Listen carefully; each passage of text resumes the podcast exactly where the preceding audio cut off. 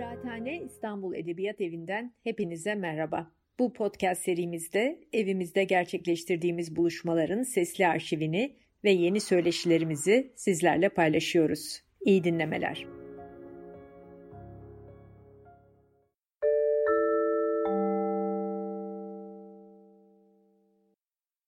Merhaba, iyi akşamlar. İstanbul Edebiyat Evi'nin bir etkinliğine daha hoş geldiniz sevgili izleyiciler. Teşekkür ediyoruz bu akşam bizlerle olduğunuz için. Ee, çok mutluyuz. Ben özellikle çok mutluyum. Eski dostum, büyük hayran olduğum efsane bir diva, bir tiyatro oyuncusunu ağırlıyoruz bu akşam. Tilbe Saran bizimle. Hoş geldin Tilbe. Hoş bulduk Nilüfer. İnsan ne yapacağını bilemiyor bu kadar büyük e, sıfatlar karşısında. onları silelim. Eski Yok, dost olmak en kıymetli. Sen büyüksün. Ben senin en müthiş büyük hayranlarından biriyim. Ee, şimdi eksik bir liste olduğunu biliyorum. Sevgili Tilbe Saran'ın e, en iyi kadın oyuncu ödülü. Ben 15 tane saydım ki eksik bir liste olduğundan eminim. Yani Meryl Streep'in Oscar rekorunu çoktan kırmış durumda. E, müthiş bir tiyatrocu. Sizlere tanıtmam gerekmez ama kısa bir e, deneme yapayım. İstanbul Üniversitesi'nde sanat tarihi okumuş bir e, oyuncu. İstanbul Belediye Konservatuarı Tiyatro Bölümü mezunu. Dormen Tiyatrosu, Kenterler, İstanbul Şehir Tiyatrosu, Aksanat, Aysa Prodüksiyon çalıştığı çeşitli tiyatrolar ve Aksanat'ı e, Cüneyt Türel ve Işıl Kasapoğlu ile birlikte kurdu Aksanat. E, prodüksiyonu muydu onun tam adı? Aksanat Prodüksiyon Tiyatrosu'ydu. E, rahmetle sevgiyle analım Cüneyt Türel'i. E, evet. Çok sevdiğim bir tiyatrocuydu. Tilbe Saran'ın Cüneyt Türel'le aynı zamanda hayat arkadaşıydı. Çok yakın bir çalışma ve birliktelik e, serüvenleri vardı. Cüneyt Türel'le oynadığı o üç sene mi sürdüydü bilmiyorum o Abel Eloise. Evet. E, orta çağdan o imkansız aşk hikayesi böyle hayranlıkla ben o oyunu iki kere seyretmiştim. E, dediğim gibi Afife Jale Tiyatro ödülleri, Avni Diligil, e, Sabri Alışık ödülleri, e, saymakla bitmeyen Savaş Dinçel, en iyi kadın oyuncu ödülü, e, saymakla bitmez. Çok haklı ödüller çünkü onu biz e, Çehov'un Martısı'nda, Arkadina Vanya dayısında, Sonya, Brecht'in cesaret anası olarak izledik. Ee, ben Martı'yı maalesef görmemiştim. Ama Martı'nın son prodüksiyonunda Fırat Tanış'la birlikte oynadıklarını öğrenince içim yandı. Çünkü ben dizi seyretmeyen ben e, İstanbullu gelini sırf Tilbe Sarı'nı izlemek için seyrettim. Çok müteşekkirim sana Tilbe'cim. Böylece Türk dizi dünyasında tanışmış oldum. Çünkü bayağı iyi diziler de var. Evet üstelik diziler üzerine epey program da yaptınız siz Nüket'le. Doğru. ben Ama de onları yani, izliyorum. İstanbullu gelindeki o psikiyatrolün sesin o kısacık roldeki varlığın yani ben onu bekleyerek seyrediyordum. O senin olmadığın episodları biraz atlıyordum falan. ee, müthiş bir e, tiyatro, aynı zamanda sinema. Reha Erdem'le Beş Vakit, Korkuyorum Anne, Kaç Para Kaç, Yavuz Özkan Bir Erkeğin Anatomisi. Şimdi öğrendim Yavuz Turgul Yol Ayrımı. Onu seyretmemiştim. Ee, müthiş bir oyunculuk hayatı ve e, dört nala tamız devam ediyor pandemiye rağmen. Şükür ki. E, ve e, Tilbe Saran bize bu akşam oynamak yani Tilbe Saran için oynamak ne anlama geliyor? Onu anlatacak. Seni dinliyoruz Tilbe'ciğim. Teşekkürler Nilüfer. E, kıraathaneye e, ve e, Nilüfer'e tekrar e, teşekkür ederim. Böyle bir buluşma sağladıkları için. E, hani bir söyleşi yaparız ne üstüne yaparız deyince ben dedim hani tek bir şeyden söz edebilirim. Hani oynamak benim başka bildiğim bir şey yok. Ee, ve bu o, oynamak ama tiyatroda oynamak. Çünkü e, benim doğup büyüdüğüm yer diyeyim e, sahne e, oyuncu olarak tabii ki. Ve e, buradaki bir şey beni çok heyecanlandırıyor. Burada e, sinemada ve televizyonda olmayan ve aslında tam da o olmayan nedeniyle pek çok seyirciyi e, kendine çeken bir özelliği var tiyatronun. Tiyatro oyuncuyla seyircinin suç ortaklığından oluşuyor. E, oyuncular e, bir karakteri, bir e, bir dünya e, öneriyorlar seyirciye. Seyirci de kendi birikimi, hayal gücü oranında o öneriyi bütünlüyor. Ve aslında e, Hamlet'in Elsinore Sarayı'nda olmadığını bile bile, sahnede seyrettiğinin aslında bir oyuncu olduğunu bile bile, o tahta e, kılıçlarla yapılan düelloya inanıyor. Ve aslında en büyük yaratımı e, seyirci yapıyor. Yani seyirci oynuyor. Seyircinin hayal gücüyle tamamlanıyor. E, Nilüfer'le de sohbet ederken söylemiştik. Dünyanın en iyi oyuncuları e, yıllarca prova yapabilirler. E, eşsiz bir e, oyun e, hazırlayabilirler. Ama onu gören bir göz olmaz ise asla o bir tiyatro olmuyor. E, ben hep derim ki e, oynamak benim için büyük bir e, keyifli sofra hazırlamak gibi. Ama o sofraya birileri gelip de o yemek birlikte yenmezse e, sadece hüzünlü bir dağılmış sofra görüntüsü kalır. E, ne oyun olur, ne oyunculuk olur, ne tiyatro olur.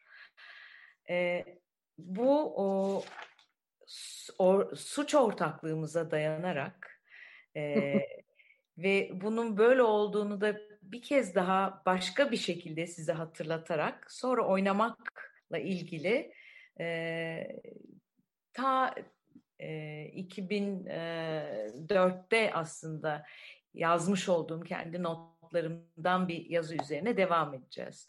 Şimdi e, oyun bittiğinde ya da bir gösteri bittiğinde canlı bir şey izlediği zaman özellikle Türk seyircisi diyeceğim ama dünyanın pek çok yerinde de izlediğim e, performanslarda, oyunlarda ben buna tanık oluyorum. Seyirci rolün kendisine geçtiğini hissedip ve coşkuyla genellikle eğer beğendiyse coşkuyla alkışlıyor. Çünkü o sırada kameralar ona dönüyor ve o oyun sırasınca oyunculara emanet etmiş olduğu hayallerini, hayal gücünü artık e, noktalandığını biliyor ve oradan o gece hayalinde aslında ortak üretilen bir şeyi alıp götürecek. Bu ortak e, üretim beni ger e, yani e, hepimiz biliyoruz orada oynayanlar, oyuncular, e, kimse işte Hamlet örneğinden e, gidersek herkesin zaten hani e, hikayesini binlerce defa dinlediği, ne öldürülmüş bir kulağına zehir atıla, akıtılarak öldürülmüş bir baba var, ne e, amcayla evlenmiş bir anne var, e, ne e, işte daha e, babasının ve abisinin sözünü dinlemediği ve kız olan kız ölmediği için çok üzülen bir Ophelia var. Ne de Hamlet var. Biliyoruz onların olmadıklarını ama birlikte bu oyuncuların ve yönetmenin sunmuş oldukları hayale müthiş bir ortaklık yapıyoruz seyirci olarak. Peki oyuncular nasıl hazırlanıyorlar? Ben e, 91 yılında çok üstünden zaman geçti ama E, yöntem olarak bir şey değişmedi benim açımdan en azından. Şehir tiyatrolarında bir Rus yönetmen gelmişti, Leonid Heifetz ve e, Çehov üçlemelerini yapmıştı. Ben de Vanya Dayı'yı e, hazırlamıştık, Sonya rolünü. O zamanki e, benim için gerçekten ikinci bir konservatuvar gibi değerlendirdiğim bu prova sürecinde çok iyi not almıştım. Sıkı bir e, talebelik yapmıştım hmm. ve e, daha sonra onu o, o süreci, o yolculuğumu e, aslında bir rolü nasıl yaklaşıyorum, nasıl çalışıyorum, nasıl bir e, macerayla, zaman zaman geri dönüşlerle e, bir e, yazarın defalarca yazıp yırtıp attığı e, şeyler gibi kendimizin de bulup bulup hayır bu değilmiş deyip yırtıp attığımız e, yollardan geçiyoruz. Onu sizinle paylaşmak istedim. E, e, hızlı olması için de e, okumaya gayret edeceğim. E, her oyuncu için Çehov'la buluşmak bir mucize. Çehov oynamak bir düştür. Çünkü çağdaş oyunculuğun amentüsü Moskova Sanat Tiyatrosu'nda Stanislavski yönetiminde biraz da Çehov'un yazdığı oyunları sahneye taşıyabilmek için geliştirilmiştir ve oyunculuğun kitabı aslında ilk kez Çehov metinleriyle uğraşılırken de yazılmıştır. Tabii ki sadece Çehov metinleri değil ama onunla başladı. İşte tam da bu yüzden Çehov oynayabilmek bir iddia taşır. Er Meydanı'ndaki en zorlu sınavlardan biri Çehov'dan geçmektir. Benim sınavım hala sürüyor. 91'den 2021'e geldik. Aynı histeyim. Ee, hiç bitmeyen bir sınav bu. Ee, geçip geçmeyeceğimi de bilmiyorum ama Leonid Heifetz ile Vanya Dayı'yı çalışırken çok şey öğrendim. Sizlerle de o günlerde tuttuğum notlardan yararlanarak bir oyunculuk yolculuğuna çıkmaya çalışacağım. Oyun metinleri bir oyuncu için çoğu yerleri boş bırakılmış yapbozlara, tamamlanması gereken resimlere benzer. Hani gazetelerde de rastlamışsınızdır. Böyle sayılarla belirtilmiş noktalar vardır. Siz o noktaları birleştirirsiniz. Birleştirdikçe de ortaya bir şekil çıkar. Noktalar metinde karakterin tüm söyledikleri ve diğerlerinin o karakter hakkında söylediklerinin toplamından oluşur. Ama her oyuncu noktalar arasındaki boşlukları oyun hakkında bildikleriyle, kendi yaşantısıyla, kişisel birikimleriyle dolduracaktır ve çizgileri ona göre çizecektir. Bu yüzden iyi oyunlar, iyi yazılmış roller hiç eskimezler çünkü her oyuncuyla yeniden ve bambaşka çizilebilirler. Bir oyuncu için çalışacağı bir metni okumak, oynayacağı rol kişisini anlamaya çabalamak, tıpkı bir dedektifin izini sürdüğü suçluyu yakalayabilmek için kendini suçlunun yerine koyarak bir sonraki adımını düşünmeye e, çalışmasına benzer. O ak kağıttaki kara işaretlerin şifresini çözmeye, sözcüklerin gerisindeki sırrı bulmaya uğraşır. Yazarın yarattığı ortamı, durumu, olacağı ve dönüşeceği kişiyi kavramaya, anlamaya, anlamlandırmaya ve bir bağlam içerisinde tutmaya çalışır. Çehov metinlerinde ise yazarın görünür kıldıklarından ziyade yani yazılı olanlardan ve e, oyuncunun söyleyeceği repliklerden ziyade sakladıkları, karakterin söylediğinden çok söylemediklerini eşeleyip bulmak gerekir. Çünkü Çehov karakterlerinde söz iceberg'in görünen kısmını oluşturur. Oysa gerçek çatışma alt akıntıda söylenmeyen, susulan anlarda gizlidir. Hatta Çehov oyunlarında söz içinde bulunan durumlarla neredeyse alakasızdır. E, bunu hemen örneklemek istiyorum. E, Vanya dayının e, ilk perdesi dadıyla Doktor Astrov'un konuşmasıyla başlar. Ve e, birdenbire e, sahne ya da, dadı ben çok mu değiştim diye sorar. Bir e, üstelik de e, 20. yüzyılın yani 19. yüzyılın sonu 20. yüzyılın başlarında yazılmış bir metin için bu kadar modernite fazla diye düşünebiliriz. E, ve bu gündelik e, konuşma ya ben çok mu değiştim e, diye söylediği e, laflar aslında bize büyük başka bir çatışmayı gizlemektedir. Şimdi e, biz oyunun bütününü bildiğimiz zaman hemen şunu e, hatırlarız. E, o laflar boşuna söylenmiyor. Çünkü e, oraya yeni gelmiş olan çok güzel bir kadın var Yelena ve bir not yollamış. Demiş ki kocam çok hasta acaba çiftliğe gelebilir misiniz? Fakat e, Astrof'un bulunduğu yerle çiftlik öyle e, işte dolmuşla taksiyle falan gidilebilecek gibi değil.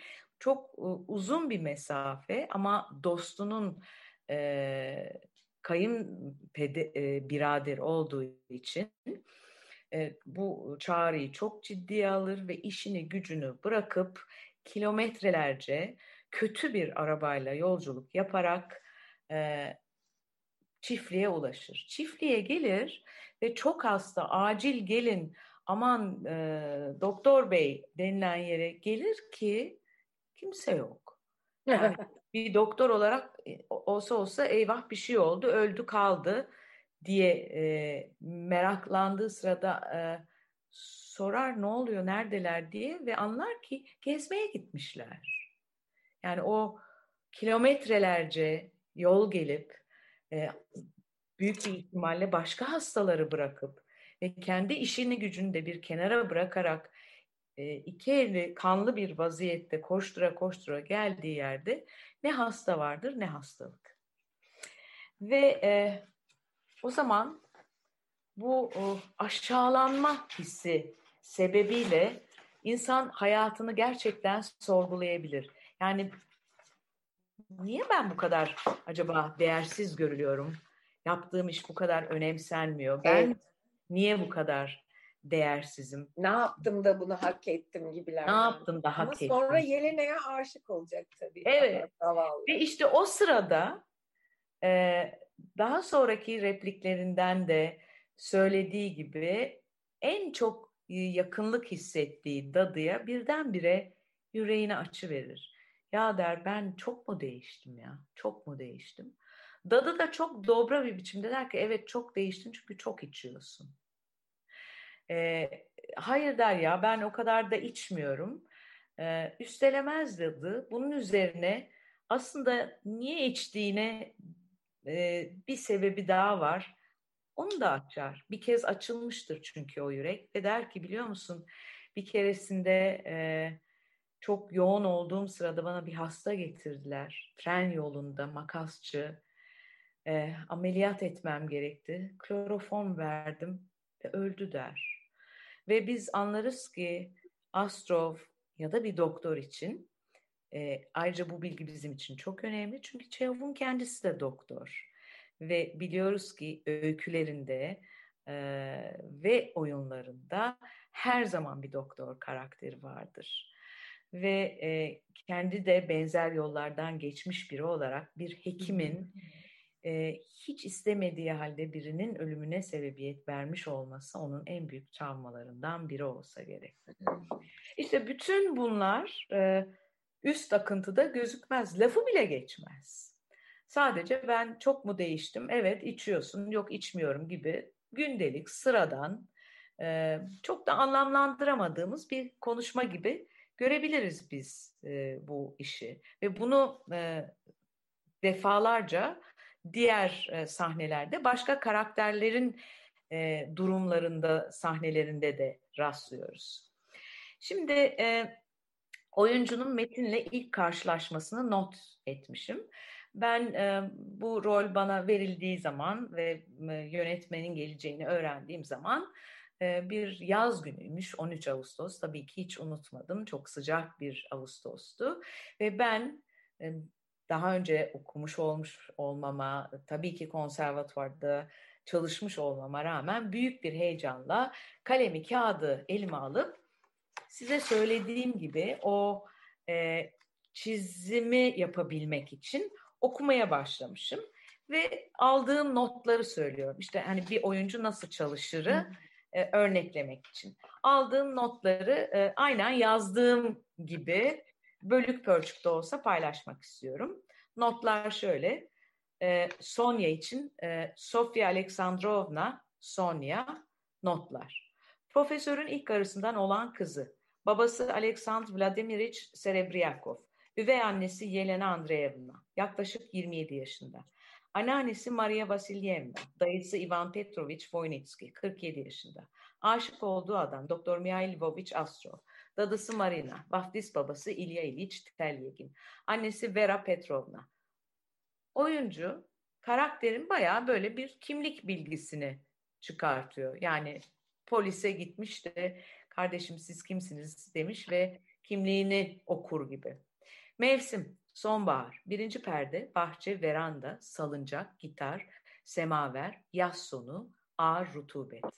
Dadısı Sonya'ya Soneçka diyor. Ha, demek ki bu bir sıcak ilişki göstergesi diye not almışım yanına.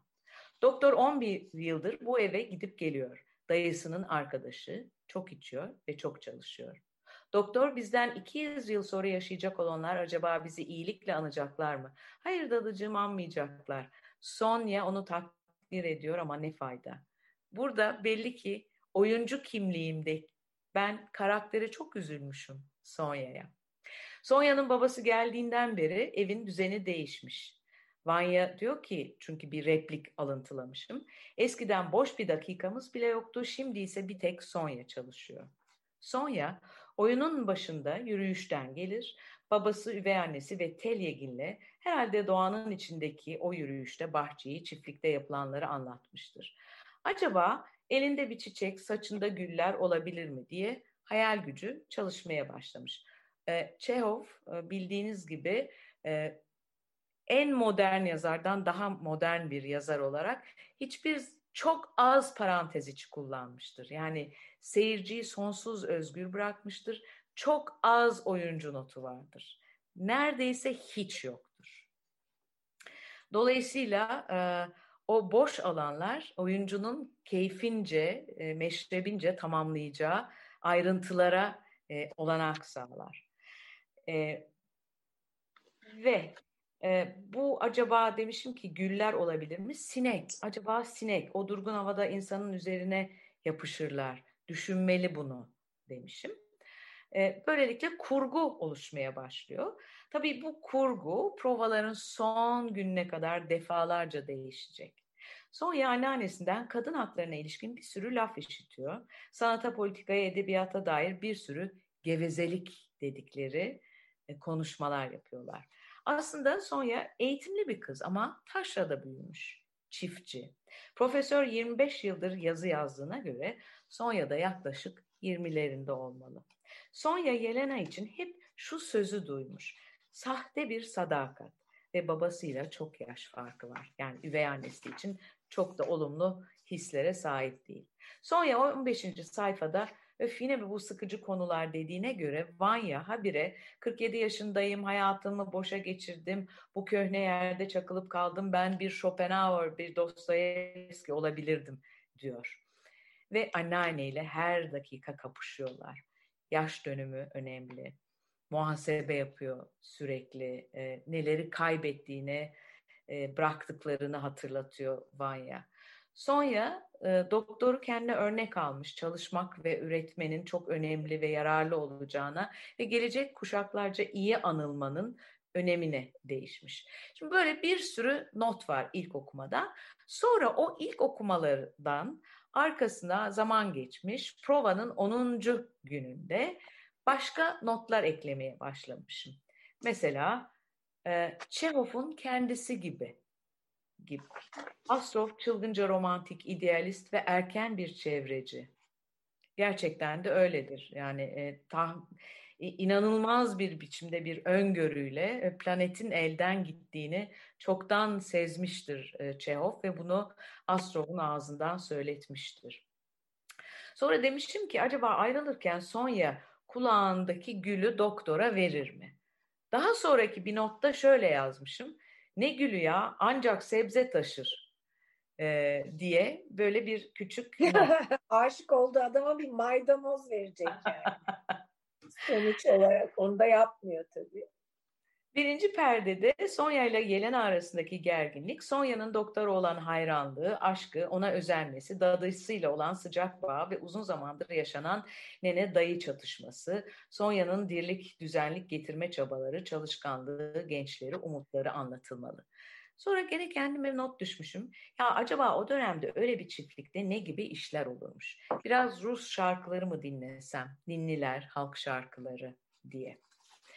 Ee, ve devam ediyor böyle çok çok çok e, uzun aslında bu e, bunlarla boğmak istemiyorum ve sadece Çehov üzerine konuşmak da istemiyorum ama e, şunu anlatmaya çalışıyorum. oyuncu metni defalarca okuyor ve tıpkı bizlerin de sizlerin de okuduğunda her seferinde yeni bir ayrıntıya takılıyor. Ve o yeni ayrıntı aslında o gün e, neyle daha fazla ilgiliyse yani o o sırada televizyonda gördüğü bir şey, daha önce okumuş olduğu bir roman yahut gözüne ilişen bir çiçek yahut annesiyle yaptığı bir tartışma ya da e, kedisinin ayağının kırılması binlerce farklı sebep nedeniyle her seferinde okuduğu metin değişiyor. Hmm. Ve bu değişen metni prova süresince aslında buluşturmaya, birleştirmeye ve bir arada tutmaya çalışıyor. Tabii ki burada bunu yapabilmek için e, eğer çağdaş bir metinle karşı karşıya değilse e, dönemi araştırıyor.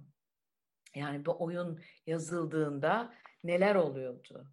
E, ve yazarın kimliği çok önemli. Çünkü biliyoruz ki her zaman her yazı biraz da otobiyografiktir. Yani e, biliyoruz biz e, Çehov'un ya da diğer bütün yazarların karakterlerine sızar. Kendi hayatları sızar. E, duydukları, gördükleri, yaşadıkları, deneyimleri, e, pişmanlıkları, arzuları, hırsları, kıskançlıkları sızar.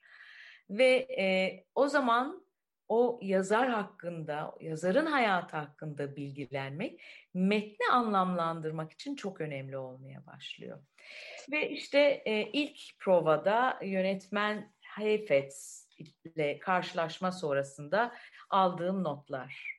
Yönetmenle bir metni eşelemek, yabancı bir ülkeyi iyi bir rehber eşliğinde gezmek gibidir. Hani yıllarca toprak altında kalmış bir mozaiğin üzerine bir kova su boşaltınca renkler, şekiller nasıl olanca canlılığıyla ortaya çıkarsa, Heifetz anlattıkça da Vanya, Sonya, Yelena, Astrov ve diğerleri tüm Rusya ile birlikte biraz daha belirginleşiyor, resimler biraz daha boyut kazanıyor, adeta canlanıyordu. Her oyunda yazarın kişiliğinin çok önemi var. Doğrudan olmasa bile eseriyle kendi yaşamı arasında bir bağ var. O zaman kim bu adam? Nasıl bir yaşamı olmuş? Çehov doktordu.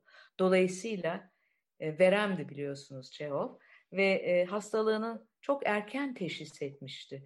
Ölümünü yakın olduğunu biliyordu. Ama bu ölümü geciktirecek çabayı pek göstermedi. Öleceğini bilmek, onun dünyaya bakışını nasıl etkiledi acaba? Herhalde bizden biraz daha farklı bakıyordu. Belki her bahar acaba bu sene baharı görebilecek miyim diye e, bekliyordu. Belki o bunu aşırı duyarlı yapmıştı. Belki herkes çiçeğe durmuş bir vişne bahçesi görmüştür ama o her seferinde ilk kez görüyor gibi bakabiliyordu ya da son kez diye düşünüyordu. Uzun yıllar yalnız yaşadı, yalnızdı ve bunun her bozulacak gibi olduğu anları çok coşkulu yaşadı. Olga, karısı oyuncuydu Moskova Sanat Tiyatrosu'nda. Olga ile evlenmesi yalnızlığını e, bozmadı, tam tersine arttırdı. Çünkü biri Moskova'da alkışlar, çiçekler ve başarılar içerisindeyken, diğeri Yalta'da sadece olanları uzaktan izledi izlemekle ve başarılarını telgrafla kutlamakla yetinmek zorundaydı. Çehov için doktorların bütün gitme uyarılarına rağmen her Moskova'ya gidişi sağlığı el vermiyordu ve her ayrılış çok acıklıydı. Müthiş bir yürek acısıyla yazılmış o şakacı mektuplar, sonsuz mektuplar yazmışlardı birbirlerine. Çehov'un her oyununda insanların o gidip gelmelerinde, konuşmalarında, ayrıldıklarında ve sustuklarında, konuşamadıklarında gizliydi o acılar. Bu evde yaşananların kendilerine göre bir düzenleri vardı. Şimdi tekrar Sonya'nın evine dönüyoruz. Yani Vanya'da oyununa geri dönüyoruz. Ama bu düzenleri profesörün ve karısının gelmesiyle bomba düşmüş gibi oldu ve bozuldu. E, oyunun başında Dadı, Dadı Marina'nın söylediği gibi kaynayan semaverin başına gelinmemesi onlar için, e, Dadı için bir bayramın içine edilmesi gibi.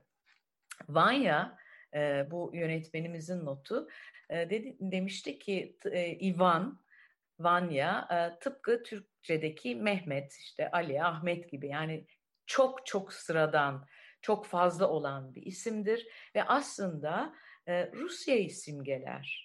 E, ve e, oyunda biliyorsunuz hatırlarsınız belki üçüncü perdede Vanya kaderine isyan eder nihayet ve çok değişik olarak bir Çehov karakteri olarak bir eylemde bulunur.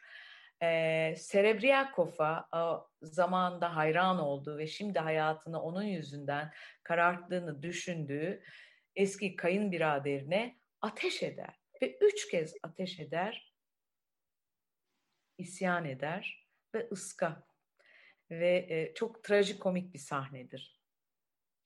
E, ve sonra e, herkes bırakır gider, e, do, profesör döner, e, doktor ayrılır evden, Yelena e, kocasıyla birlikte gider ve eski ahalisi o evin bir başlarına kalırlar Peki bütün bu geride kalan acılı insanlara ne diyecektir Sonya? Ve belki hepinizin aklındadır o Çehov'un ve biz oyuncular için hepimizin aşağı yukarı ezbere bildiği dinleneceğiz Vanya'dayı. Nice uzun günler, geceler yaşayacağız. Evet hep başkaları için çalışacağız olsun.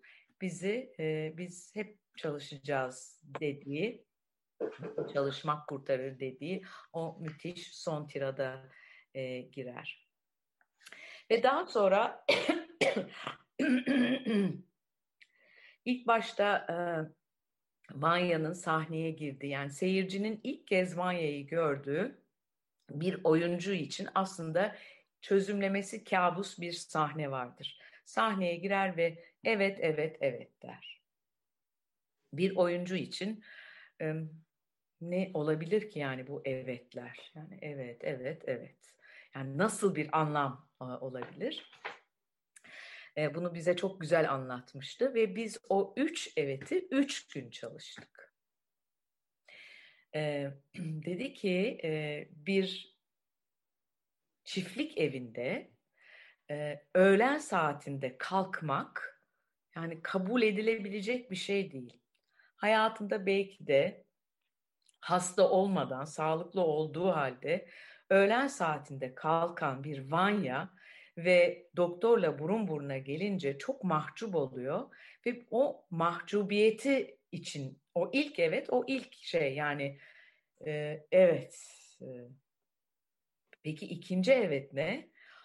Bir çiftlik evinde birinin kravat takması hele Vanya gibi birinin kravat takması olacak iş değil.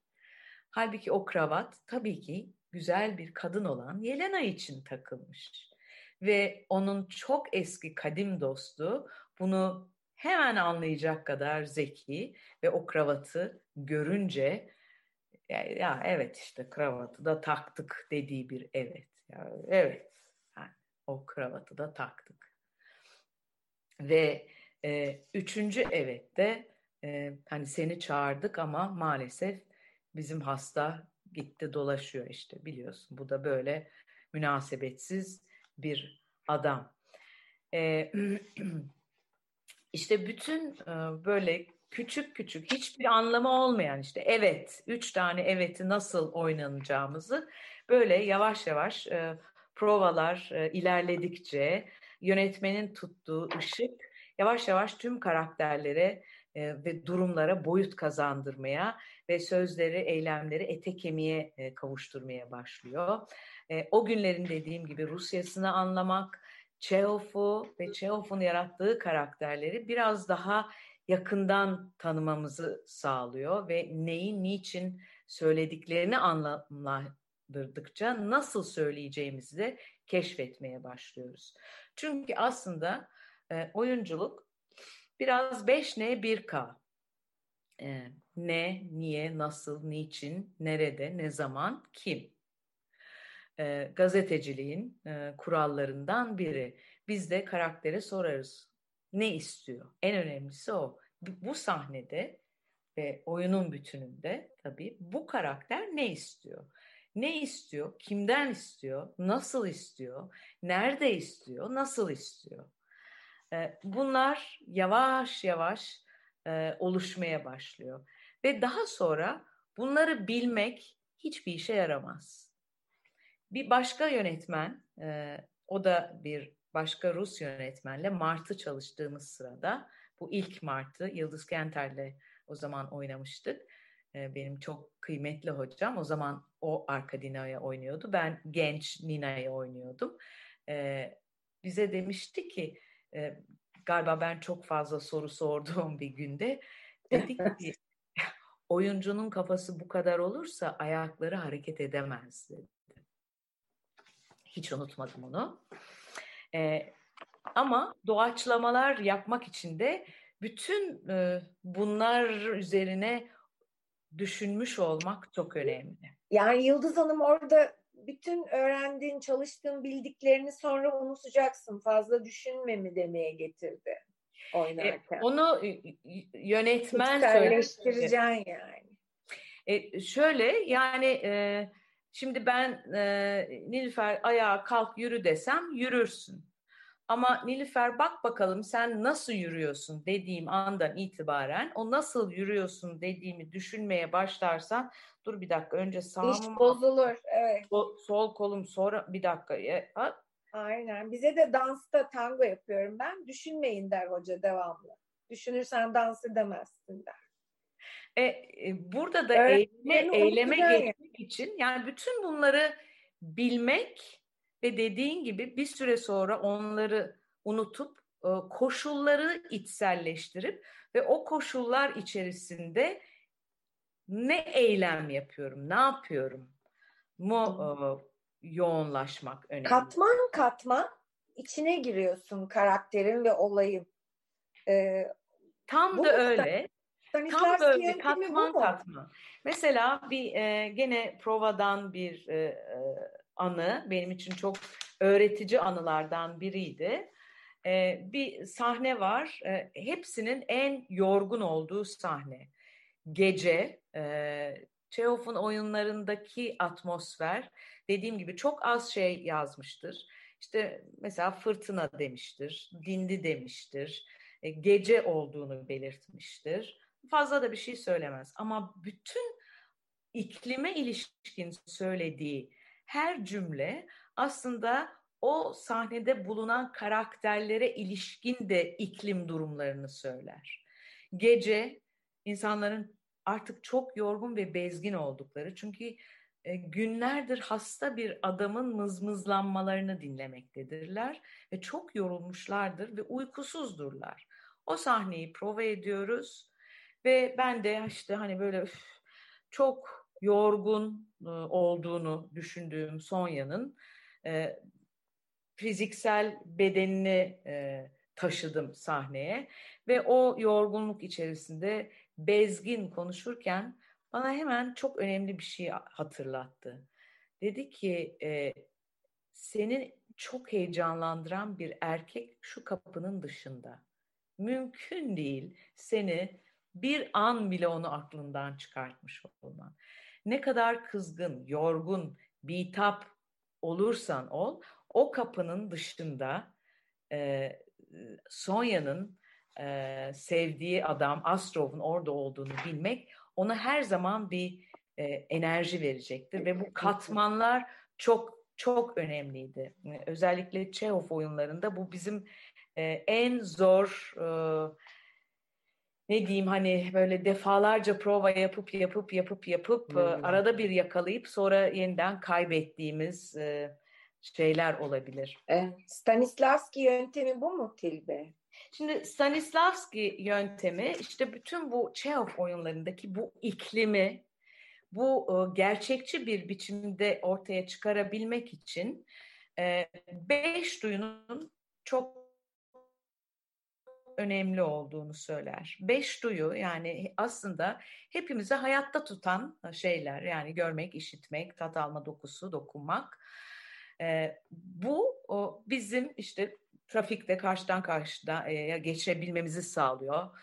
bir müzikten keyif almamızı sağlıyor e, yemek yememizi e, ve ondan zevk almamızı, sıcağı soğuğu hissetmemizi sağlıyor.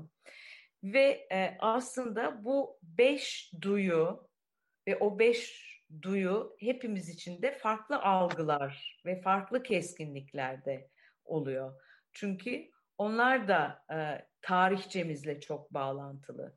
Doğduğumuz andan itibaren sadece içinde bulunduğumuz coğrafya, aile, daha ufak çember.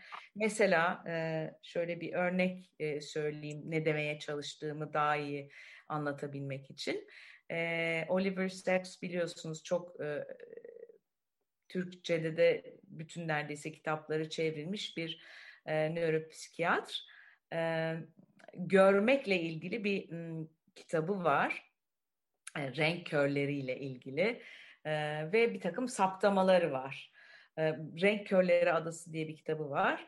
E, bir adada gerçekten renk körleri yaşıyor ve hep kendi aralarında da e, evlenmiş oldukları için bu böyle nesilden nesile aktarılan bir şey olmuş. Onun dilsel ilişkisini araştırdığı bir kitabı var. Şimdi e, biz bugün artık biliyoruz hani neuroscience çok da ilerlemiş olduğu için bunlar artık ölçülebilir şeyler de oldu. Sadece deneyimle aktarılan değil de e, mesela e, bozkırda yaşayan, hep bozkırda yaşamış biriyle e, çok dar e, Amazon ormanlarında yaşamış insanların görme biçimleri farklı. E, yani uzak mesafeye bakmakla tehlikenin yakından gelebilme ihtimali bizim görmemizi, dolayısıyla algımızı ve dolayısıyla dünyamızı e, tamamen farklı tanımlatıyor. İşte e, burada da o yüzden hani o coğrafyayı tanımak ve o coğrafyayı bugüne getirmek ve aynı zamanda kendi deneyimlerimizi e, yani ben sıcak geldiği zaman ne yapıyorum? E, ben heyecanlandığım zaman ne oluyor? E, işte portakal soyarken e, ellerim ne hissediyor, e, tanımadığım bir meyveyi ağzıma attığımda Hı-hı. ne gibi hislerle karşılaşıyorum gibi. Bu o, çok ayrıntılı çalışılıyor Stanislavski yönteminde e, ve daha sonra da pek çok doğaçlama için bir temel oluşturuyor.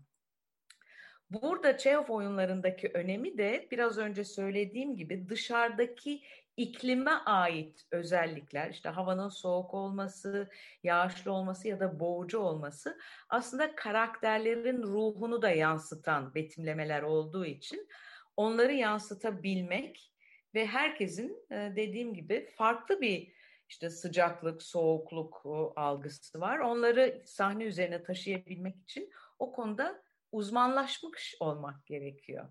Hem kendini çok iyi bilmek hem onları sahne üzerinde yeniden yeniden yeniden yaratabilmek gerekiyor. Yani e, bir insan yaratıyorsun yani.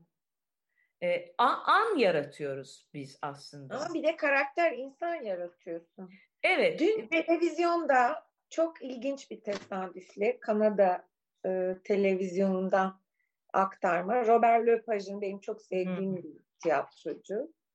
Ee, işte dünyanın dört bir tarafından insanları bir araya getirmiş. Kuzey Amerika'daki, e, o Kanada'daki Kızılderililerin işte kolonyalizmle, sömürgecilikle, baskıyla, dışarı itilmekle neler yaşadığını onlara oynatıyor. Fakat oynayanlar işte Afganlı, Brezilyalı, Ermeni, dünyanın her bir yerinden insanlar Aa, benim deneyimimden de bir şeyler var burada diyor. Enteresan Robert Lepage sonra çıkıp dedi ki e, tiyatro budur işte dedi. Bir karakteri, birisini kendine mal edersin. Yani biraz bundan bahsediyorsun. Kendine o karakteri mal edip sahnede birisini yaratmak. Böyle katman katman çalışarak. Aslında ta, evet tam da şöyle e, yani içinde bulunduğu koşulları e, anlamlandırıp nerede ne olduğunu, ne yaşadığını o karakterin anlayıp tam da onun yerine kendini koyuyorsun. Aslında biz bedenimizi bir şaman gibi cömertçe kiraya veriyoruz. Ve evet. e, yazarın e, seyirciye söylemeye çalıştığı, anlattığı her neyse o hikaye, o hikayenin içimizden akıp geçip seyirci tarafından tamamlanıp e, yeni bir e, yaratıya dönüşmesine aracılık ediyoruz. Şaman çok güzel bir benzetme bence. Çünkü bu oyunculuktan, o karakterden gerçeğe, kendi gerçeğine geri dönüş çok zor bir yolculuk olsa gerek. Yani tıpkı aslında öyle bir yolculuk olmuyor. geri dönüşü gibi. Çünkü aslında biz her zaman zaten sahnede hep e, her kimsek Ali, Veli, Tilbe, Nilüfer zaten Nilüfer olarak sahnedesin ya da Tilbe olarak sahnedesin. Ama e, Tilbe'nin Sonya'sını bulmaya çalışıyoruz. E, ya da Nilüfer'in Makbet'ini bulmaya çalışıyoruz. Zaten ilginç olan ve her seferinde yenilenebilir olan kısmı da bu.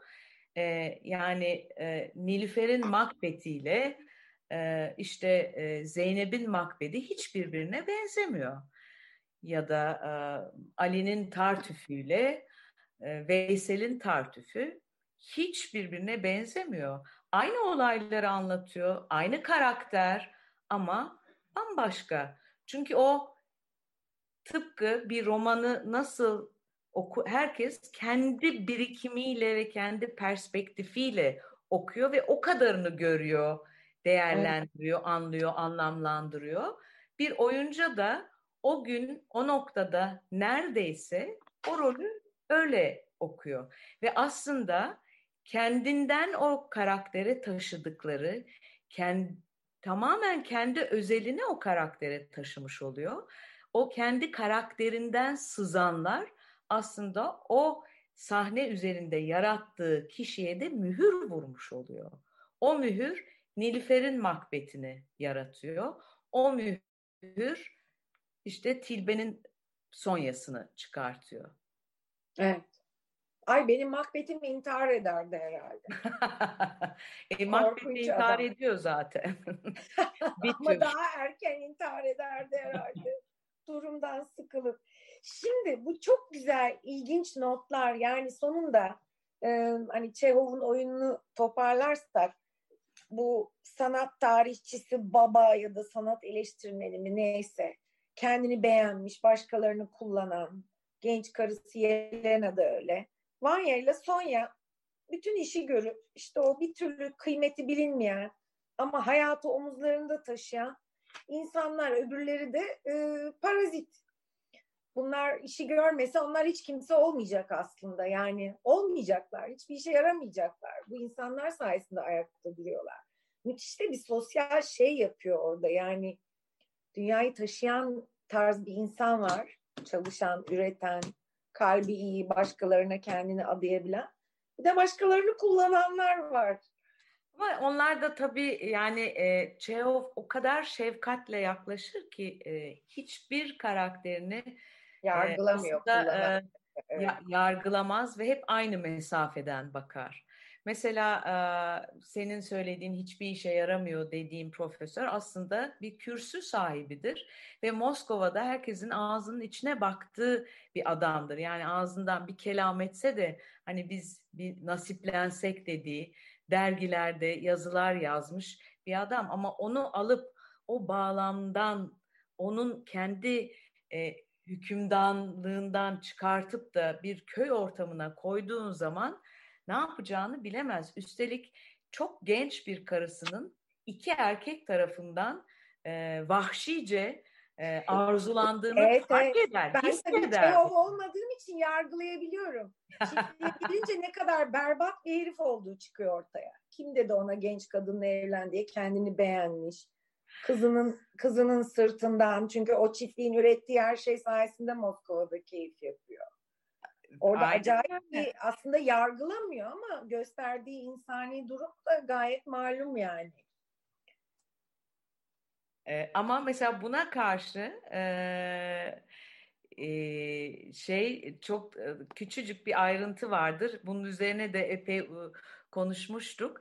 E, gene bu birinci e, sah, birinci perde birinci sahnede işte e, Astrov biraz Yelena'yla muhabbet eder. E, Sonya çok mahcup olmuştur. Babası onlarla kalıp çay bile içmez. Hani tenezzül edip çağırdığı doktora yüz vermediği gibi birlikte çay içmeyi bile istemez. Siz benim odama yollayın der. E, bu durumdan zaten çok mahcuptur Sonya ve e, doktorun ne kadar önemli biri olduğunu anlatmaya e, çalışır. Tam o sırada içeriye e, hizmetkarlardan biri gelir ve der ki ya köylüler geldi. Ne istiyorlarmış der. E, işte şu taşlı tarlayı istiyorlar. Ve orada hemen küçük tek bir repliktir ama sınıfsal durumu hemen çıkar ortaya. Ve vermezler. Ee, yani e, onlar o taşlı tarlayı kullanmasalar da başkalarının kullanımı için e, vermeyi düşünmezler.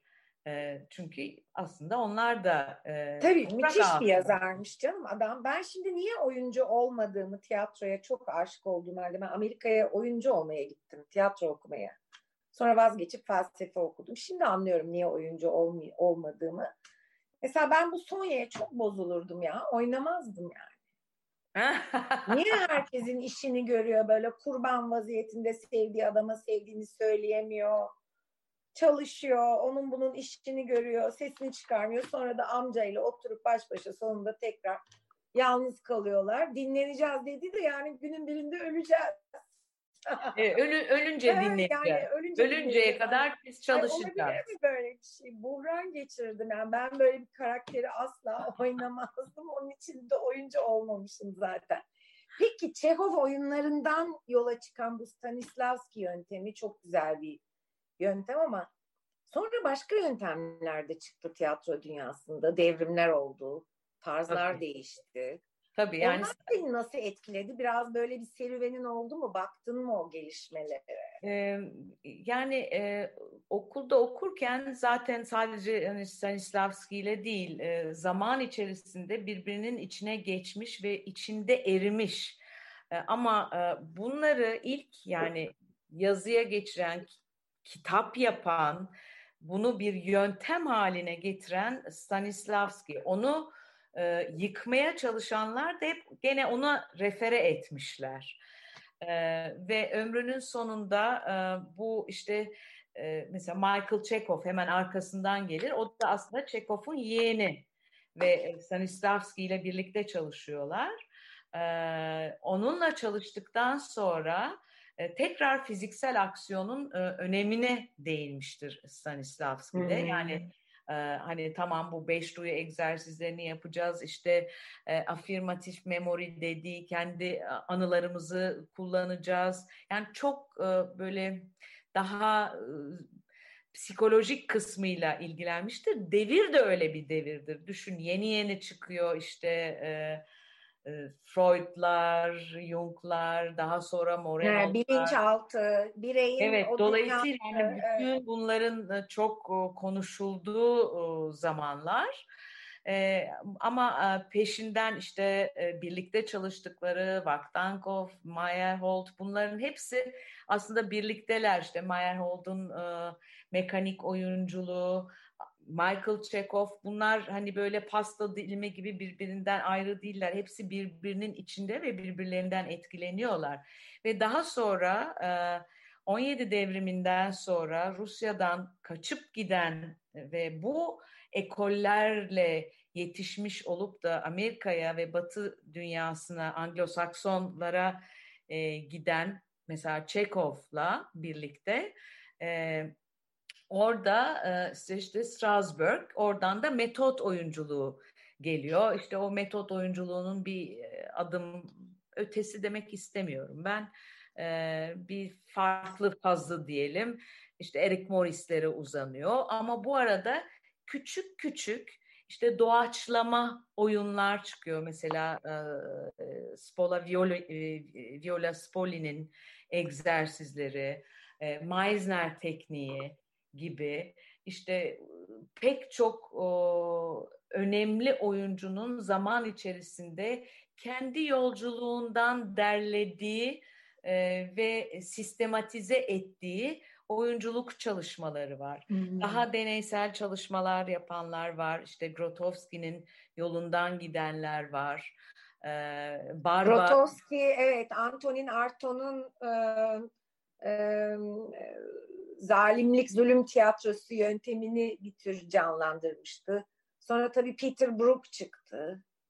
Sonra evet. bu işte Bob Wilson, Robert Lepage gibi spektakl yani gösteriye önem veren, sahne teknolojisine çok önem veren daha soyut tiyatro tarzları çıktı değil mi ortaya? Bayağı baş döndürücü bir yenilik sarmalı ama hep aynı yere geri dönüyor sanki bir müddet sonra. Ya oy, oyuncu için şöyle e, oyuncuların e, yani tiyatro oyuncularından bahsediyorum. E, ondan bahsetmemin sebebi de şu çünkü e, sinema ve televizyondan çok farklı olarak sahnede merkez oyuncudadır. Ne yaparsanız yapın. E, dünyanın e, en iyi yönetmeni de e, beş gün e, oyuna gelmediğinde artık ipler oyuncunun eline geçer ve onun için hep öyle derler. Hani size teslim ediyoruz. Bundan sonrası size ait. E, oyuncular ona uyarlar ya da uymazlar artık e, meşreplerine kalmış bir durum. E, bu o, oyuncunun merkezde olma hali e, oyunculara tabii çok büyük bir haz veriyor. Ve e, hangi yönetmenle ve hangi üslupla e, çalışırlarsa e, çalışsınlar, sonunda kullandıkları bir enstrümanları var. O da kendisi, kendi sesleri, kendi bedenleri. Yani biz hem futbol topuyuz hem ayağız. Evet çok güzel. Bu arada senin sevgili köpeğin Frida da aynı fikirde galiba. O da evet. ilginç, ilginç bir ses çıktı. Senin ses tekniği e, yani kişiye göre sesi de değiştirmek, duruma göre sesi de değiştirmek. Değil mi? Cesaret Ana'yı oynarken e, sergilediğin oyunculukta böyle herkes bir sarsılmıştı. E, muhteşem bir e, o tür teknikler tecrübeyle mi geliyor? Ballı yumurta mı işte içiyorsun? Bu aslında, bilinç altını mı kullanıyorsun? Nedir? Hepsi bir araya mı geliyor? Hepsi bir araya geliyor. Hani konuşmanın başında söylediğim gibi e, bir e, kitapla, bir metinle nasıl yatıp kalktığınız sırada gerçekten bütün o, o durumları defalarca aklınızdan geçirirsiniz, düşünürsünüz, evet. deneyimlersiniz. Çağrışım olmaya başlar. Yani sonsuz bir bilinç akışıyla çağrışım yığılmaya başlar. Kendi hayatınızdan, anılarınızdan, gördüklerinizden. Öz, özgürlük mü gerekiyor Tilbe? Ben bir kere tiyatro oyunculuk dersinde, bu arada hatırlatalım, sevgili Tilbe Saran Kadir Has Üniversitesi'nde oyunculuk, konuşma teknikleri, diksiyon dersleri veriyor. Ben şimdi gelemem tabii o derslere değil mi? Öğrenci olmak lazım. Dışarıdan kimseyi kabul etmiyorsunuz. Çok ben isterdim sizden e, ders e, öğrencilerime soruyorum. Çünkü ders onların dersi ve biz e, ilk işimiz sahnede çıplak kalmayı öğrenmek. Bu da hiç kolay bir şey değil ve e, bir e, güven ortamı tesis edilmesiyle e, ancak başarılabilecek evet. bir şey. Doğru. Ben birazcık terapi odasına e, benzetirim. E, yani tıpkı hani dedim ya e, seyirci olmayınca oyun ve tiyatrodan söz edemeyiz. E, çünkü orada bir e, or, bir bir suç ortaklığı var. Birlikte bir hayal kuruyoruz. Seyir oyuncuya e, oyuncu bir şey öneriyor ama onu tamamlayan bir seyirci var. E, tıpkı işte bir terapi odasında olduğu gibi e, terapistle danışan arasında, analistle analizan arasında e, aktarım karşı aktarım olduğu gibi yani orada bir e, tuhaf hep çağrışımlar yoluyla hmm. bir karşılaşma oluyor. Ve o karşılaşma te- terapetik olan da o zaten. Çok Seyirci güzel. içinde e, tiyatro olan şey tam da o karşılaşma. Evet o sorgulamayı, o enerjiyi alıp biz de seyirci olarak gidiyoruz. Ama bunun Ama içinde e, çok e, gerçekten e, nasıl ki e, bir terapist odasında güven en önemli, e, inşası en gerekli şey. E, seyirciyle oyuncu arasında da ya da bir oyuncuyla başka bir oyuncu, bir yönetmen arasında en önce o güvenin tesis edilmesi lazım. Çünkü biz gerçekten hani şaman örneğini boşuna söylemedim. Bedenlerimizi kiraya veriyoruz. Ee, evet. Ve cömertçe açmak evet. o teslimiyet için büyük bir güven ortamı lazım. O yüzden de e, ben e, ya da pek çok başka eğitmen de derslerine dışarıdan kimseyi o sebeple almayız. Doğrudur. Ee, ama bir özgürlük de gerekiyor. Şimdi ben e, bir oyunculuk dersinde yıllar önce bu Amerika'da tiyatro okuyorum. E, sahne hazırlayın dedi hoca. Jean Genet'in Ekranlar oyununda işte o oğlu devrimci işte hapse giren falan Cezayirli anneyi oynuyor. Ben oynadım güzel böyle çok memnunum kendimden. Hoca baktı ya çok kibarsın dedi. Sen Cezayirli bir fakir kadınsın. Belki 20 gündür yıkanmadın. Belki bitlisin. Oranı buranı kaşın. Ne bu kibarlık dedi. Yani öyle büyük bir özgürlükle başka bir şeye girme. Onu anladım sonra bir daha sefere böyle kendime bir etek Türkiye'den uzun etek Yemeniler falan yapmıştım bilmem ne. Özgürlük gereken bir şey, gerektiren bir şey oynamak. Evet işte yani çocukluğumuzu hatırlarsak aşacak. aslında o özgürlük vardı çocukken. Ee, o hem sonsuz hayal gücümüz hem de o hayal gücünü herhangi bir sosyal filtreden geçirmemize gerek yoktu. Nasıl görünüyorum, benim hakkımda ne diyecekler, kim beni yargılayacak şimdi ben böyle yaparsam ama e, gibi o filtrelerin e, evet. e, hemen bir kenara bırakılması gerekiyor. Aynen öyle. Kesinlikle. O herhalde oyunculukta benim en çok sevdiğim, e, bana yani ulaşmak istediğim bir hedef gibi görünen bir şey o özgürlük. Şimdi Tilbe sen konservatuarda okurken Yıldız Kenter'den Müjdat Gezen'e ne Çetin İpek'ten Cüneyt Türel'e acayip hocaların olmuş. Sonra acayip rollerin olmuş. Şimdi kendin hocasın. Bir şey soracağım. Ee, Türkiye çok zor zamanlardan geçen bir ülke. Yani kolay zamanı olmadı bilmiyorum. Gene zor zamanlardan geçiyoruz.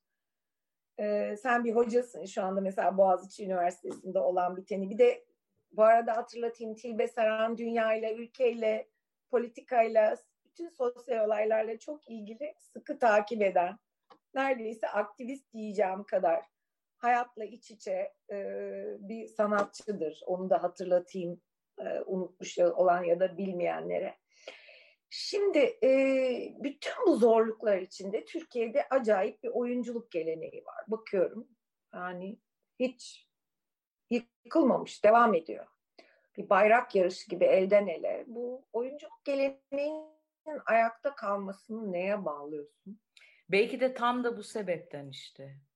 Çünkü e, bir tek o hayal dünyası e, na çok müdahale ona da çok müdahale ediliyor da gene orası bir itiraz alanı. Ee, bu hele son e, ne kadar takip ettim bilmiyorum Nilüfer ama son 10 yılda e, İstanbul'da ve e, diğer pek çok kentte de müthiş tiyatro patlaması yaşandı. Yani yeni metinler, deli gibi yeni metinler üretildi. E, genç, çok genç yazarlar, müthiş topluluklar, evet. e, deneysel çalışmalar ve çok deneysel tam, çalışmalar yapıldı. E, yani evet. tam bir e, bir kalas iki heves, iki kalas bir hevesle e, oldu bitti. E, üstüne para vererek hatta yani işte garsonluk yapıp hayatını idame ettirip ya da başka işlerde çalışıp geceleri buluşup provalar yapıp mekanlar kurarak müthiş ve e, baktığın zaman e, o hareketliliğin geziyi doğurduğunu görüyoruz. Geziden sonra evet e, fena e, yıkıldık ama ayaktayız. Geziden sonra yığınla iş çıktı, iş üredi. Bunlar konuşulur, tartışılır oldu ve oraları dayanışma ve direnme alanları oldu. Bence e, oyunculuk geleneği ya da e, tiyatro serüveni e, Türkiye e, açısından yani politikayla birlikte okumaya gayret edersek her zaman bir direnme alanı olmuş. Belki de bu yüzden.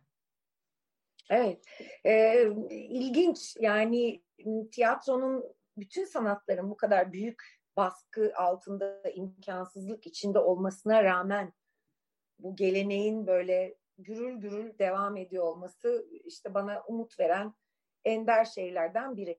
Ee, başka kuşaklardan oyuncularla akran oyuncular arasında farklı bir elektrik hissediyor musun? Mesela sen bu Çekov'un Martı oyununun son prodüksiyonunda benim seni İstanbullu Gelin dizisinde seyrederken tanıdığım Fırat Tanış'la birlikte oynamışsınız. Ee, nasıl bir karşılaşmaydı o mesela? Müthiş bir karşılaşmaydı. Fırat e, benim takip ettiğim e, oyunculardan biriydi ve hep böyle aklımdan geçen bir oyuncuydu ya bir, bir gün karşılıklı e, inşallah oynarız diye. E, bazı oyuncular öyledir yani hani nasıl bir edebiyatçı için çok sevdiği bir yazarla işte ne bileyim birlikte bir şey yapmayı hayal ederse ya da muhabbet etmeyi, konuşmayı bir şey üzerine e, bizim de böyle iştahlandıran oyuncular vardır. Ah bir beraber bir şey oynasak e, dediğim işte e, Fırat öyle oyunculardan biriydi ve e, hani Martı'yı yapmaya karar verdiğimizde Serdar e, Serdar Biliş bizi bir araya getirdi ve çok e, güzel e, beş benzemezin bir arada olduğu ama çok uyumlu çalıştığımız ve bence birbirimizden de çok şey öğrendiğimiz bir çalışmaydı. Çok ilginç bir serüven bu gene bir oyuncunun hayatında ve oynamak denen bu eylemde ki ilginçlik yani bu meşhur oyuncu, kadın oyuncu Arkadina, sen gençsin, Yıldız Kenter Arkadina'yı oynuyor. Sen işte herhalde o küçük hizmetkar kızı mı oynuyordun, neyi oynuyordun? Nina, ilk, o, o ilk oyuncu çıktığında. olmak yani. Tamam. Sonra sen Arkadina'sın. Karşına işte sevgilin ne? Karşıma da aynen aslında çok ilginç. Benim de öğrencim olmuş olan Ecem vardı, Ecem Uzun. E, yani böyle bir e, bayrak yarışı gibi oldu. İnanılmaz ee, çok güzel bir bayrak yarışı o. Beni evet. e, yani baktığım zaman tiyatro dünyasında en çok heyecanlandıran şey o kuşaktan kuşağa gitmesi ve tekrar birlikte üretmeye devam etmek.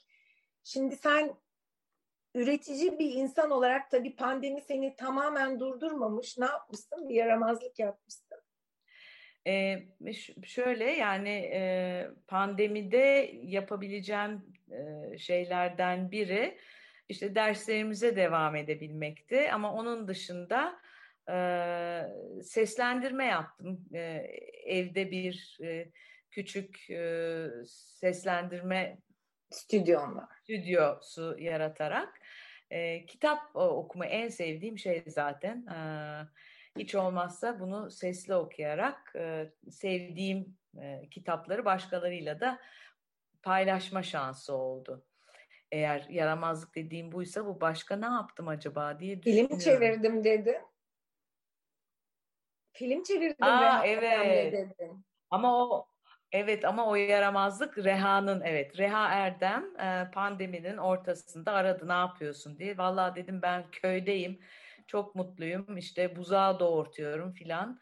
E, peki dedi ben sana şimdi bir e, şey yollayacağım film. E ne yapacağız dedim. E, şimdi senle yaptığımız gibi Zoom üzerinden böyle farklı farklı karakterlerin olduğu ama biz karşımızda e, ben şimdi mesela işte seni görüyorum.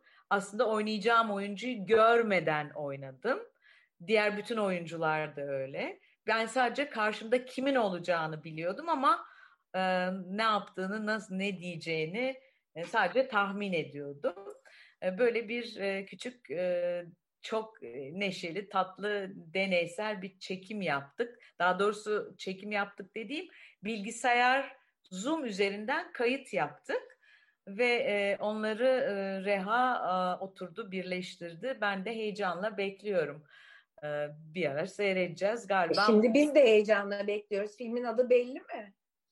E, o son dakikaya kadar değiştirir. Onun için ben bilmiyorum. Anladım. Ama e, Mubi'de e, galiba yayınlanacakmış. Biz de heyecanla bekliyoruz o zaman. Süper. Rolün güzel bir rol müydü? Çok kısacık e, üç sahnesi olan e, matrak, e, eğlenceliydi. Çok güzel. Ee, izleyici sorularına göz atıyorum. Ee, izninle birkaç Tabii. soruya bakalım. Ee, Eren İncesu, oynadığımız karaktere ve de duruma inanmak için neler yapabiliriz demiş. Ee, Biraz söyledin ben... aslında ama inanmak, hani oyuncunun duruma inanması. E, her şeyden önce e, bu o, ne olduğunu bilmemiz gerekiyor yani e, ve e, bunun içinde hani o yüzden tekrar Stanislavski'yi hatırlatalım. O 5N1K'daki en önemli şey neredeyim, kimim, ne yapıyorum, nasıl yapıyorum, e, saat kaç, mevsim ne gibi evet. ayrıntılarla o gerçekliği önce kendimize yaratmamız gerekiyor. Evet. Ortamda gül mü kokuyor, egzoz kokusu mu var? Neredeyim? Aynen öyle. Ne oluyor? Nasıl yani gül durum? koktuğu zaman ben ne kadar mutlu oluyorum ya da güle alerjim varsa benim için büyük bir tehlike ve ölüm e, endişesi olabilir. E, işte ya da egzoz kokuyorsa dediğin gibi o benim tavrımı nasıl etkileyecektir? Zaten bütün bunları araştırarak o gerçekliğin içine kendimi oturtuyorum. Oradan korktuğu gibi. oluyor mu insanın Tilbe? Aynen. Ay, ay, o, o inandığın, o yarattığın ve senin de inandığın bu e, izleyicinin sorduğu gibi durumdan birdenbire böyle kopabiliyor mu insan 40 yılın başında? Eyvah acaba evdeki tencereyi ateşte mi bıraktım gibi falan bir durum oluyor evet, mu? Ya da ütüyü prizden e, çıkardım mı? Dünyanın en korkunç şeyidir böyle blank dediğimiz ve kaybolduğumuz yani her, her şeyin durduğu e, kimiz neyiz, neredeyiz, ne yapıyoruz, oyun ne dediğimiz e, genellikle hani çok bazen yorgun olduğumuz zamanlarda e, her oyuncunun e, öyle kabusları e, vardır, e, olmuştur. E, gerçekten hani böyle bu boşlukta kalıp şey gibi hani böyle kısa süreliğine hafıza kaybı gibi e, hani nerede olduğunuzu bilemediğiniz e, bazen olur. Trak geldi deriz işte biz ona. Aa, çok ilginç. Bu arada bir soru değil bir mesaj var ama kim bilmiyorum. Galaxy A21 kimse bu gezegen dışından bir mesaj herhalde. Sevgili Tilbeciğim harika konuşmanı yine keyifle dinliyorum. Sevgilerimle demiş Galaxy 21. Bu bir süpernova mı bir başka gezegen mi bilmiyorum. Ee, bir de isim vermeyen bir izleyici var. Okurken ve izlerken hayatını en etkileyen yazarlar ve yönetmenler kimler acaba diye soruyor. Ee, hep böyle isim say saymaktan imtina ediyorum. Evet, Çünkü her zaman insan, o, unutabiliyor. Ama mesela Lepage dedin, Van Ho diyebilirim. Tabii şey de değişiyor. Yani bundan 15 yıl önce gördüğüm ve çok etkilendiğim bir şeyi bugün bakıp e, ya tapon bir şeymiş diye de e, değerlendirebilirim. E, geçen yıllarda ne yazık ki son yani bu festivale doğrusu gidemedim ben. Zaten çok az şey e, canlı oldu. Bir önceki tiyatro festivalinde e, Rusların e, getirdiği Pushkin beni benden aldı yani müthiş müthiş müthiş bir e, hayatımda ilk defa şiiri sahnede gördüm diyebilirim yani. O kadar beğendiğim bir çalışmaydı.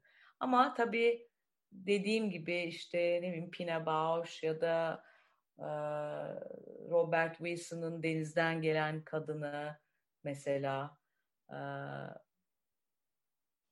gene başka evet, bu yenilikçi e, yönetmenlerin tabii bazı yaratıları insana hakikaten heyecan veriyor.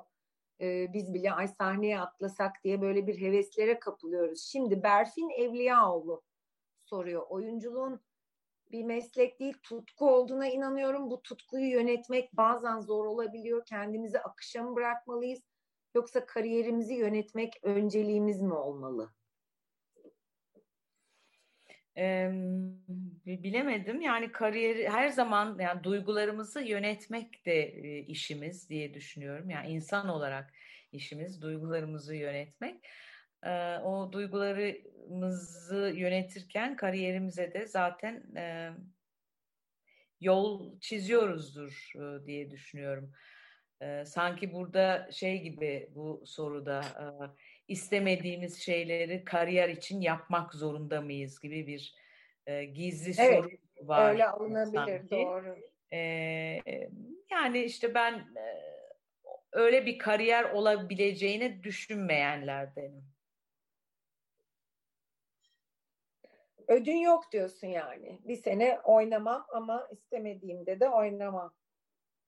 Evet, görünmek ben, için. Yani hep çok sahiden çok e, geçenlerde birisi söyledi de şöyle bir düşündüm ya ben hiç istemeden bir şey oynadım mı acaba diye oynamamışım yani.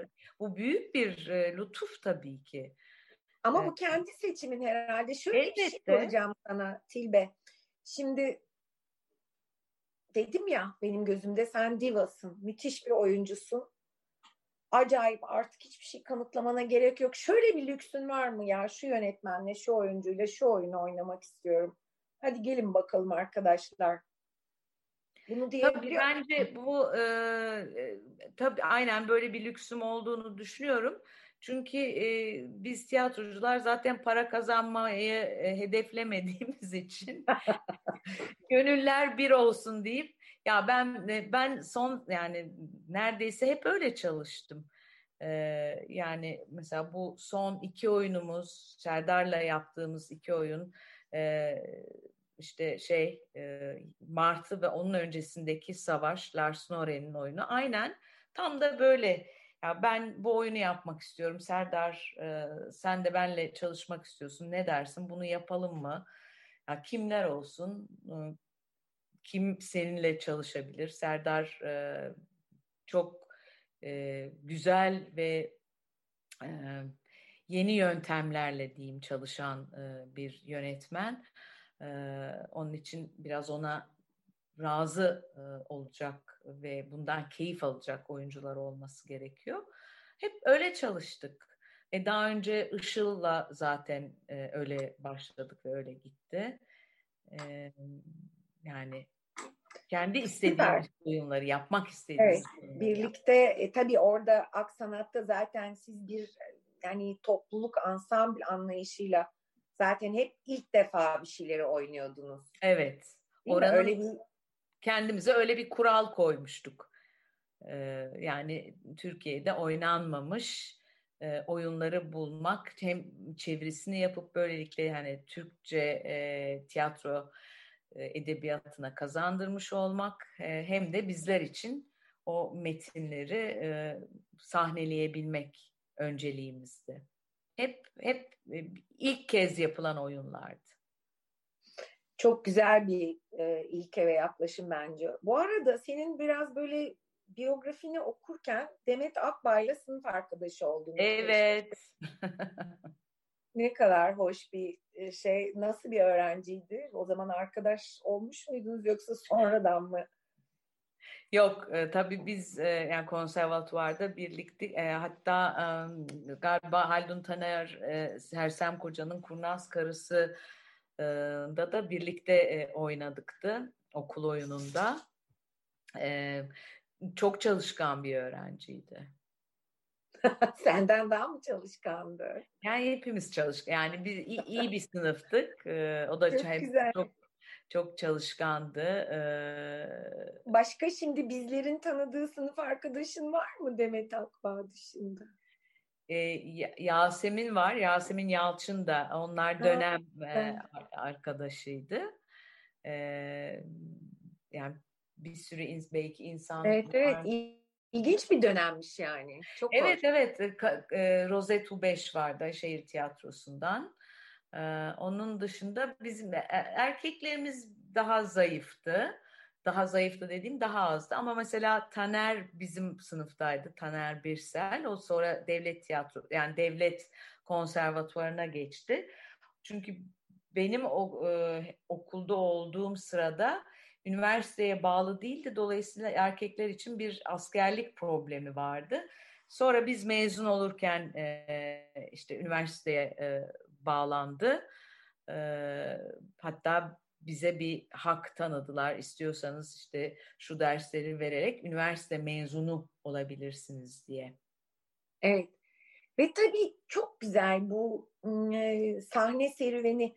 Yani Shakespeare'in Kral Lear'inde soytarı olup sonra işte Abelard ve Eloise'de Eloise olmak falan. Yani çok inanılmaz bir şey bu tiyatroculuk, bu oyunculuk hakikaten. Ama mecburen e, şeylere geçeceğim. Gene izleyicilerin mesajlarına bakmak istiyorum. E, bir tane böyle bir selam var. E, Rahime Ettekin sorum yok. Tilbe size hayranlığımı bilmenizi istedim sadece. Ee, İstanbul'u Gelin dizisindeki bölümlerinizi tekrar tekrar izliyorum. Bir oyuncu değil, gerçekten hayattan bir karakter gibi izliyorum sizi demiş. Ee, Canalp Utku Kantar, üniversitelerin tiyatro kulüpleriyle alakalı düşünceleri nelerdir Tilbe Hanım'ın diye soruyor. Yani çok sıkı takip ettiğim bir şey olduğunu söyleyemem ama bence e, her zaman en önemlisi e, kelime anlamıyla da hani aşkla, amatörce aşkla yapılan e, bütün işler çok kıymetli.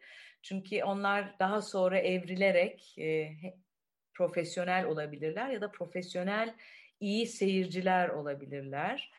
E, ben her zaman çok kıymetli buluyorum ve o tarz çalışmalar da da e, çok cesur olunabiliyor. Bu da çok önemli bir şey. E, risk alınabiliyor. E, o, ne kadar oturmuş tiyatro olursanız e, şey gibi yani işte gençlerin Antigone olması, yaşlıların Creon olması gibi. e, Kesin, risk almak önemli bir alanlar. şey. Çünkü yeniliği, tazeliği ve değişimi sağlayacak olan o o ruh o gençlik, o aşk, o ateş.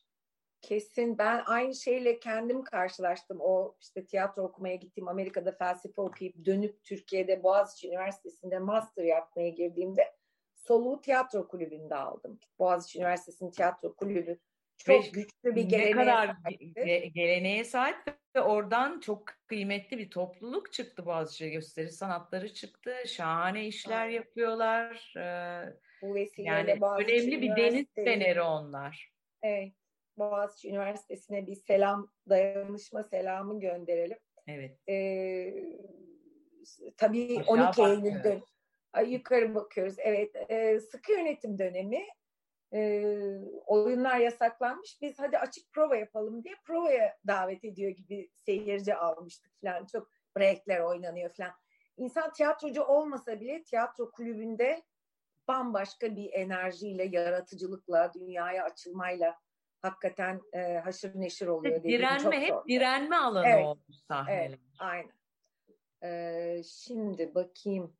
Ee, evet. Aa, Berfin Hanım Evliyaoğlu tekrar bir soruyla geri dönmüş. Konservatuvara hazırlanıyorum. ve artık çok fazla insanla rekabet halindeyiz. Hepimiz her konuda. Oyuncu olmak istiyorum, sahnede olmak istiyorum ancak sahnede yoğrularak hedefime ulaşmak istiyorum. Fark yaratabileceğine inandığınız bir öneriniz var mı demiş. Teşekkür ederim diyor. Zor bir soru bu. Ee, yani galiba e, hani ne kadar çok o, oyun izlenirse, e, işte üzerine okunup çalışılırsa, düşünülürse, hayal kurulursa ve en önemlisi e, hani biraz önce söylediğimiz mühür hikayesi vardı ya, e, en zor şey aslında insanın sahnede kendisi olabilmesi. E, çünkü m, hepimiz e, çokça etki altındayız ve bunu hiç farkına varmadan e, yaşıyoruz. Farkına varmadan taklit ediyoruz. Yani annemizi, teyzemizi, komşumuzu olduğu kadar işte Meryl Streep'i, Türkan Şoray'ı, e, Nilüfer Açıkalan'ı gibi gibi e, hiç farkına varmadan aslında bize ait olmayan bir takım e, katmanlar da oluşturuyoruz. Bütün o katmanların arasından kendimizin e, neşet etmesine imkan tanıyacak bir e, ne diyeyim e, teslimiyet gerekiyor galiba. E, Bu güzel bir samimiyet, evet. samimiyet, içtenlik e, en kıymetli şey diye düşünüyorum. Bir oyuncu için en önemli şey evet. samimiyet. Oyunculuk galiba vokasyon denilen yani insanın sanki böyle gayipten bir çağrıyla takip ettiği mesleklerden biri olsa gerek. Dolayısıyla teslimiyet de onun ilginç bir karşılığı oluyor herhalde. Bu evet. yetenek ya da arzu varsa ona tam teslim ol ve ne gerekiyorsa yap dediğim evet. gibi geldi bana. Doğru sonra. çünkü e, zaman zaman tabii pek çok alanda e, e zorluklar ve her alanın kendine ait zorlukları oluyor. Ama bu tabii e, sizin dışınızda da bir takım e, şeylerden etkilendiğiniz için yani tek başınıza yapabileceğiniz bir şey değil yani. Değil tabii. Tek başınıza resim yapabilirsiniz, müzik yapabilirsiniz, yazı yazabilirsiniz, enstalasyon yapabilirsiniz, hayaller kurabilirsiniz ama tiyatroyu tek başınıza yapamazsınız. Onun için de hani e, bir ansam bir e, yani tek kişilik oyun bile oynasanız hiçbir zaman tek kişi evet. değilsinizdir sahnede. E, işte bazen yolda yürümek e, için birilerinin koluna girmeniz gerekir ya da birilerinin sizin kolunuza girmesi gerekir. İşte o, o uyumu bulacağınız insanları bulmak zor olabilir, e, zaman e, arayab alabilir. Ama şimdi bence çok renkli, çok seçenekli bir genç, dinamik bir e, pandemi olmasaydı da e, bizi çok e, doyuran e, ve e, gençlere kapılar açacak pek çok seçenek vardı. Umarım e, pandemiyle gene bitince başka şeyler olacak mutlaka. Bir de ben nereye kendini atabilirsen at, git bir tiyatro grubuna dahil ol, kahveyi yap, ortalığı temizle yapış oraya derim yani değil mi? Kesinlikle öyle. Olsam öyle yapardım. Peki bir hazırlık tekniğin var mıdır? Hep bunu merak ederim ben Tilbecim. O evet. tatlı sesler çıkaran Frida ile yürüyüşe mi çıkarsın? Meditasyon mu yaparsın? Dorothy Iz rahmetler olsun bize kolejde çiğ yumurta, ballı süt içirirdi. Ses, tek, test teknikte aa, falan bir şeyler yapardık falan. Teknik psikolojik hazırlığın var mıdır? E, tabii var. Şöyle e, yani birincisi e, mümkün olabildiğince e, fiziksel olarak sağlam ve sağlıklı kalmaya e, gayret etmek e, en önemlisi. E, bu yani hem beden hem ses hem e, zihinsel ve ruhsal olarak e, yürümek evet çok e, yürürüm ve yürümek iyi gelir her zaman düşünmeyi tetiklediğini düşünürüm e, tek başıma. E, bir de e, böyle çok güvendiğim bazı arkadaşlarım vardır oyuncu olmayan. Onlarla e, oyun üzerine konuşurum. Hmm. E, o bir mesela çok yakın bir terapist arkadaşım vardır. Onunla çok konuşurum. Ee, bazen işin içinden çıkamadığım zamanlarda başka birilerine danışırım. Ee, çok hoş. Bunu çok sevdim. Bu güzel bir hazırlık yöntemi. Bu o, o, onun dışında yani metne ilişkin e, okuma gerekli olduğunu hissettiğim şeyler varsa okurum. E, film izlerim. E, bir de e, görsel olarak imge ararım. E, yani o oyun yani mesela martıyla ilgili bir şey diyelim ki çalışıyorsak bir göl o çok önemlidir martıdaki göl. Hani o göl benim için ne? Neyi temsil Hı. ediyor? Ee, fotoğraf, resim. Sizin e, martı moderndi ama. O evet. Fırfırlı evet. 19. yüzyıl elbiselerine hayır, hayır, hiç değil. Çok işte çok benim çok sevdiğim bir çalışmaydı o. Güzel bir yorumdu. Çok çok yalın, çok etkiliydi. Ben çok müthiş keyif almıştım. Ee, bir soru bir dakika çok sorular yağdı ama birkaç tanesini seçeceğim. Lütfen kusuruma bakmayın. Eda Nur Eker soruyor. Tiyatro alanında mutlaka okumalısınız dediğiniz kitap tavsiyeleriniz var mı? Yani şöyle bir kere şöyle bir mesleğimiz var bizim e, hani pembe domates yetiştirseniz işinize yarar. Yani hiç işinize yaramayacak hiçbir şey yok. Süper, ee, hayat yani. A, aynen öyle. Yani gidip bir elektrikçinin yanında çalışsanız işinize yarar. Ee, gidip e, işte hayvan gezdirseniz e, işinize yarar. E, çünkü bizim işimiz e, anı biriktirmek, çağrışım biriktirmek, e, ayrıntılara dikkat etmek, insan okumak, e, davranış gözlemlemek. E, onun dışında e, tabii ki oyunculuk yöntemleriyle ilgili o kadar çok, hele artık şimdi Türkçe'de de çok var. E, mitos yayınlarını takip etmenizi, oyunculukla ilgili yazılmış pek çok artık e, dediğim gibi kitap var. Hani onları e, okumak e, olabilir. E, yani daha doğrusu roman okumak, şiir okumak e, ne yaparsanız yapın bizim işimize yarar. Ben hatta uzun zaman e, şey e, bazen işte e, istediği gibi oyun e, ya da çalışacak bir yer bulamayan ve zaman zaman e, durmak zorunda kalan e, eski mezunlarımıza, öğrencilerimize ya da işte meslektaşlarıma hep söylediğim bir şey. Yani durmak hiç kötü bir şey değil. Durabiliriz.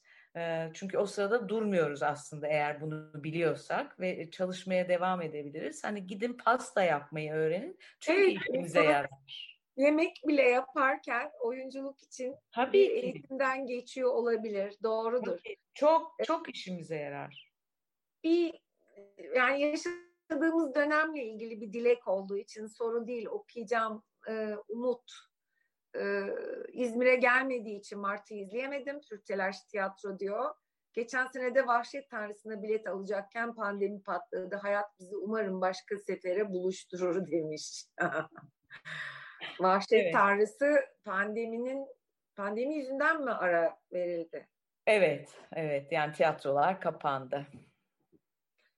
Ama ben e, bu dönemi de bir biçimde işte biraz dijitalde, biraz böyle sohbetlerle bir şekilde e, yani irtibatımızı çok kopartmıyoruz diye düşünüyorum.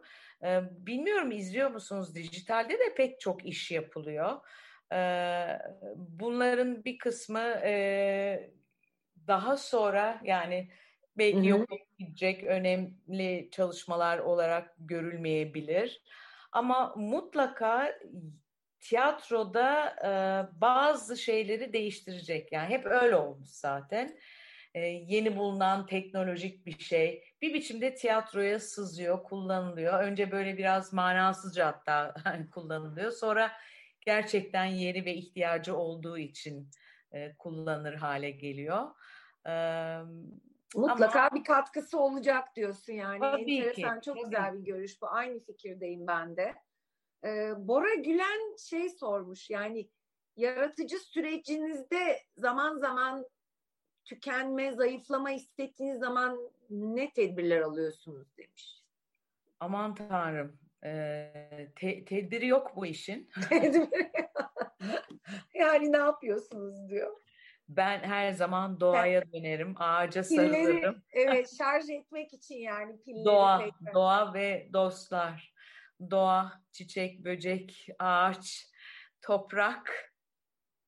Enteresan ama yani Çekov'un zamanından çok önce bir çevreci ve gezegenin kaderiyle ilgili düşünen bir yazar olduğunu bize hatırlattığın için bir daha teşekkür ederim sana ee, sevgili Tilbe.